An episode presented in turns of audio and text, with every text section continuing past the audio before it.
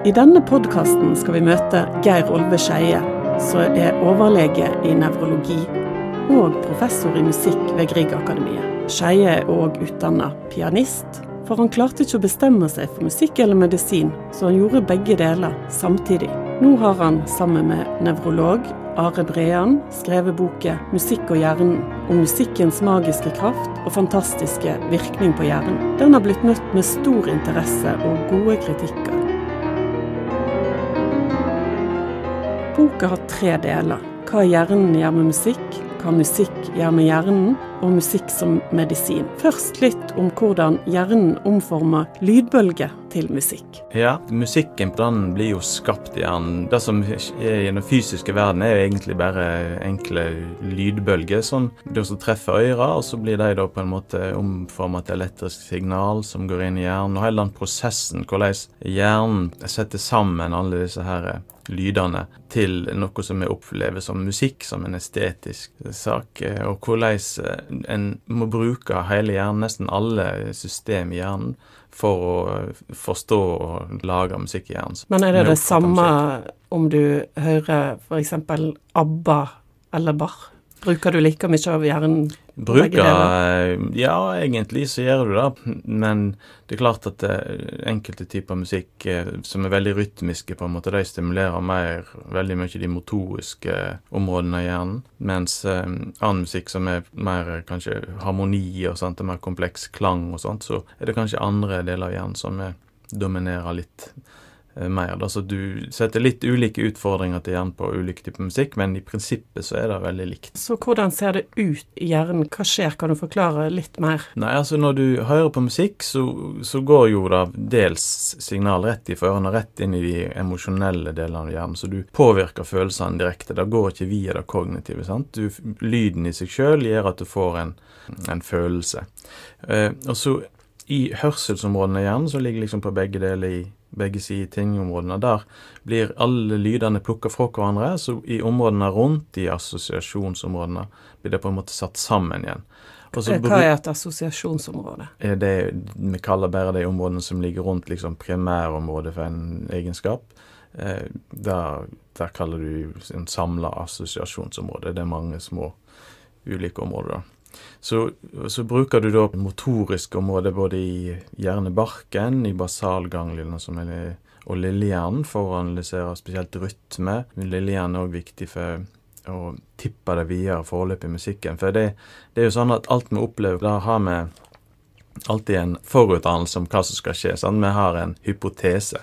Hjernen er en hypotesemaskin. Og eh, vi bruker da hele hjernen for å liksom lage en slags eh, forventning om hva som skal skje. Og eh, de forventningene, hvis de er oppfylt stort sett, sånn at du kan liksom musikksjangeren godt, da pleier du å like musikken godt òg, da. Når du sier dette her med at hjernen er en hypotesemaskin, så det, det, er litt sånn at dere kan bruke musikk som en måte å faktisk forske på hvordan hjernen fungerer, og på andre felt? Ja, du kan, du kan da spesielt eh, når det gjelder den emosjonelle hjernen. sant? Det er jo nesten, Du kan spille en type musikk, så veit du liksom hva følelse du vil skape i en person. Stort sett, da. Det er ikke alle som jeg har likt på alt, men iallfall en del ting er, er ganske likt. Og da kan du spille den musikken, så kan du se hvor det lyser opp i, i, disse her emosjonelle områdene igjen. Og så kan du si at da må, må den, det området være viktig for en, for en, lykkefølelse eller belønningssystem, eller du kan få andre områder som er mer assosiert med angst eh, og frykt. Sant? Du, du kan se hvordan disse tingene spiller seg ut i hjernen hvis du har en forventning om hva slags følelse du vil skape. Har du sett på din egen hjerne når du hører musikk? Nei, Nei jeg har aldri vært inne i en skanner sjøl. Jeg har ikke tatt risken på det. det et underpunkt her i, i, første del av boken som heter 'Fra musikk til emosjon'. Musikk kan skape følelser på to måter.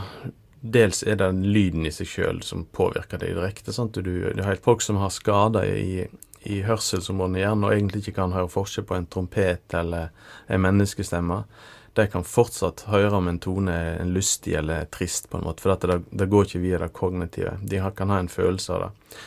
Men det er jo også sånn at eh, når en hører på musikk, og spesielt hvis du hører på musikk du liker godt, som du reagerer sånn Noen får frysninger på ryggen og sånt, og du det samme området eller i samme symfonien eller stykket hver gang du vil, vil oppleve. Så er det òg dette med forventning. Du kan se at uh, disse her belønningssystemene gjerne de lyser opp allerede før musikken er spilt. Du, du har en forventning om mm, nå kommer det, på en måte.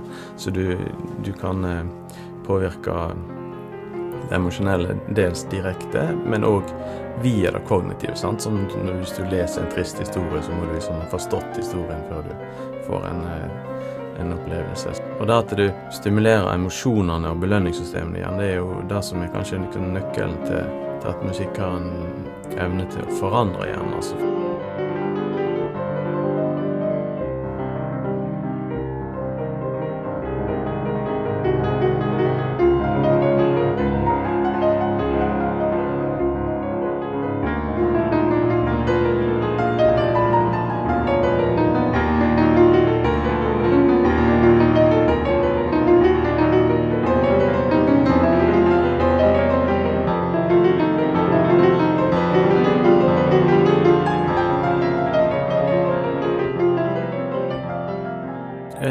Har jo sett på dette med musikerhjernen. Det er jo et eh, sånn svært eh, eksperiment på en egentlig frisk hjerne. sant? Du setter en masse folk eh, som skal bli musikere. da. De eh, øver kanskje på et instrument en 10 000 timer. Og det er veldig mange som ikke har gjort det. Så da kan du bare prøve å sammenligne hjernene til disse som har en musikkutdannelse, med alle de andre. da. Og da ser du at det er en del forandringer i musikerhjernen. At musikeren sin hjerne har jo et mer velutvikla hørselsområde igjen. Og de bearbeider all lydinntrykk, ikke bare musikk, men òg språk og andre lyder, eh, mer effektivt enn andre. Og så er det disse forbindelsene mellom de to hjernehalvdelene, corpus callosum som det heter. Den er tjukkere og kraftigere hos musikere. Kanskje pga. at eh, det å spille et instrument eller drive musikk krever veldig sånn koordinasjon av begge hjernehalvdelene, funksjoner for begge hjernehalvdeler. Og så er håndområdene, spesielt i hjernen, er, er større. da. Det er store krav til finmotorikk, sant? så mer effektivt organisert.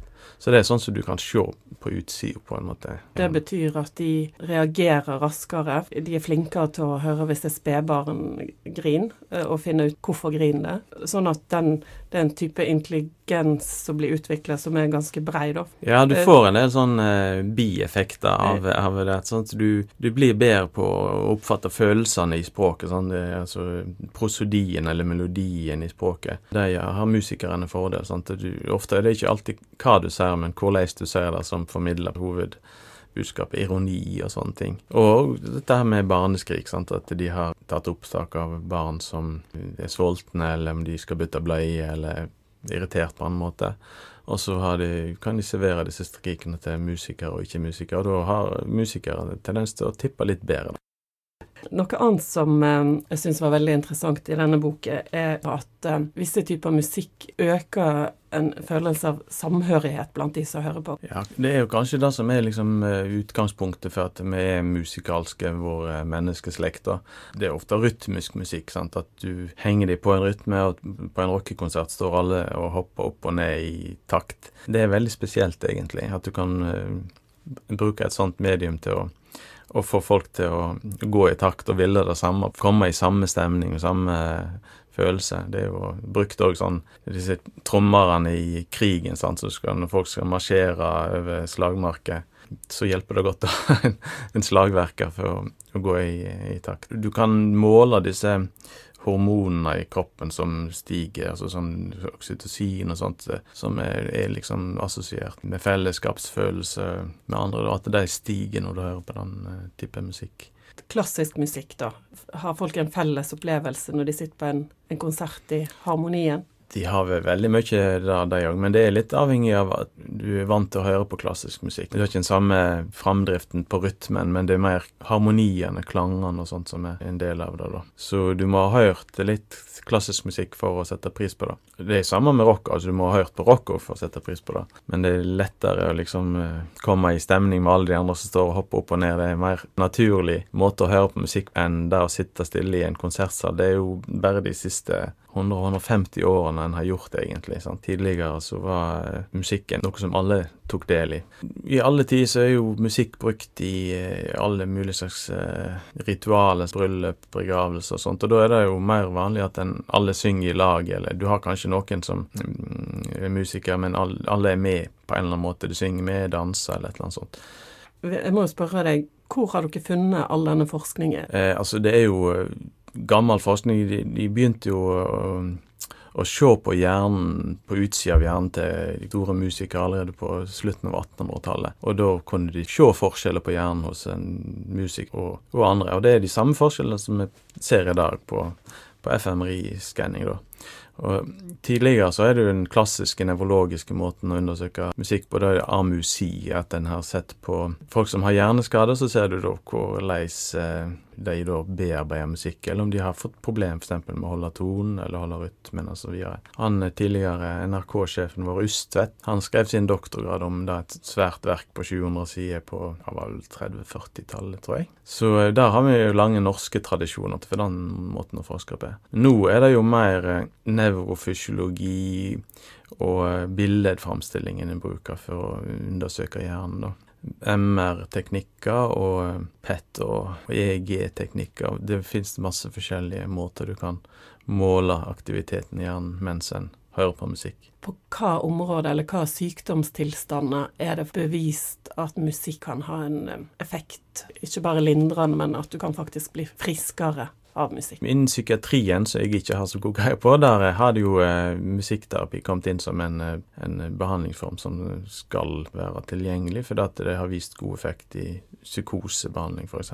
Innen nevrologien så er det jo det som best studert, er hjerneslag. At en har eh, sett at å bruke musikk i opptrening etter hjerneslag kan bedre både motorisk ting, gangfunksjon, håndfunksjon, finmotorikk, men òg det en del sånn kognitive ferdigheter, altså hukommelse, språkfunksjon osv. Men det er små studier, og det er ikke alt som er 100% bevist sånn eh, vitenskapelig, men det er mye som er lovende, og en del ting jeg tror jeg burde vært brukt mer. Når det gjelder demenssykdommer, så er det jo veldig åpenbart for veldig mange å se at eh, da, når en synger med de, eller de hører musikk, så kan du aktivere de, og de får lyset tilbake i øynene når du ser eh, at musikken gir de glede. Men om det er ikke så godt dokumentert at det har langtidseffekter, da. Men det håper vi jo eh, at det skal ha. Og så skriver dere jo at eh, for at vi voksne ikke skal bli dement, så er det det lureste du kan gjøre, det å begynne å spille et instrument i voksen alder. Ja, der tror jeg det kan være lurt å lære seg nye ting. Å spille et instrument er en veldig sånn kompleks ting som du bruker veldig mange deler av hjernen på. Så hvis du liker det og syns det er kjekt, så tror jeg det er en bra ting.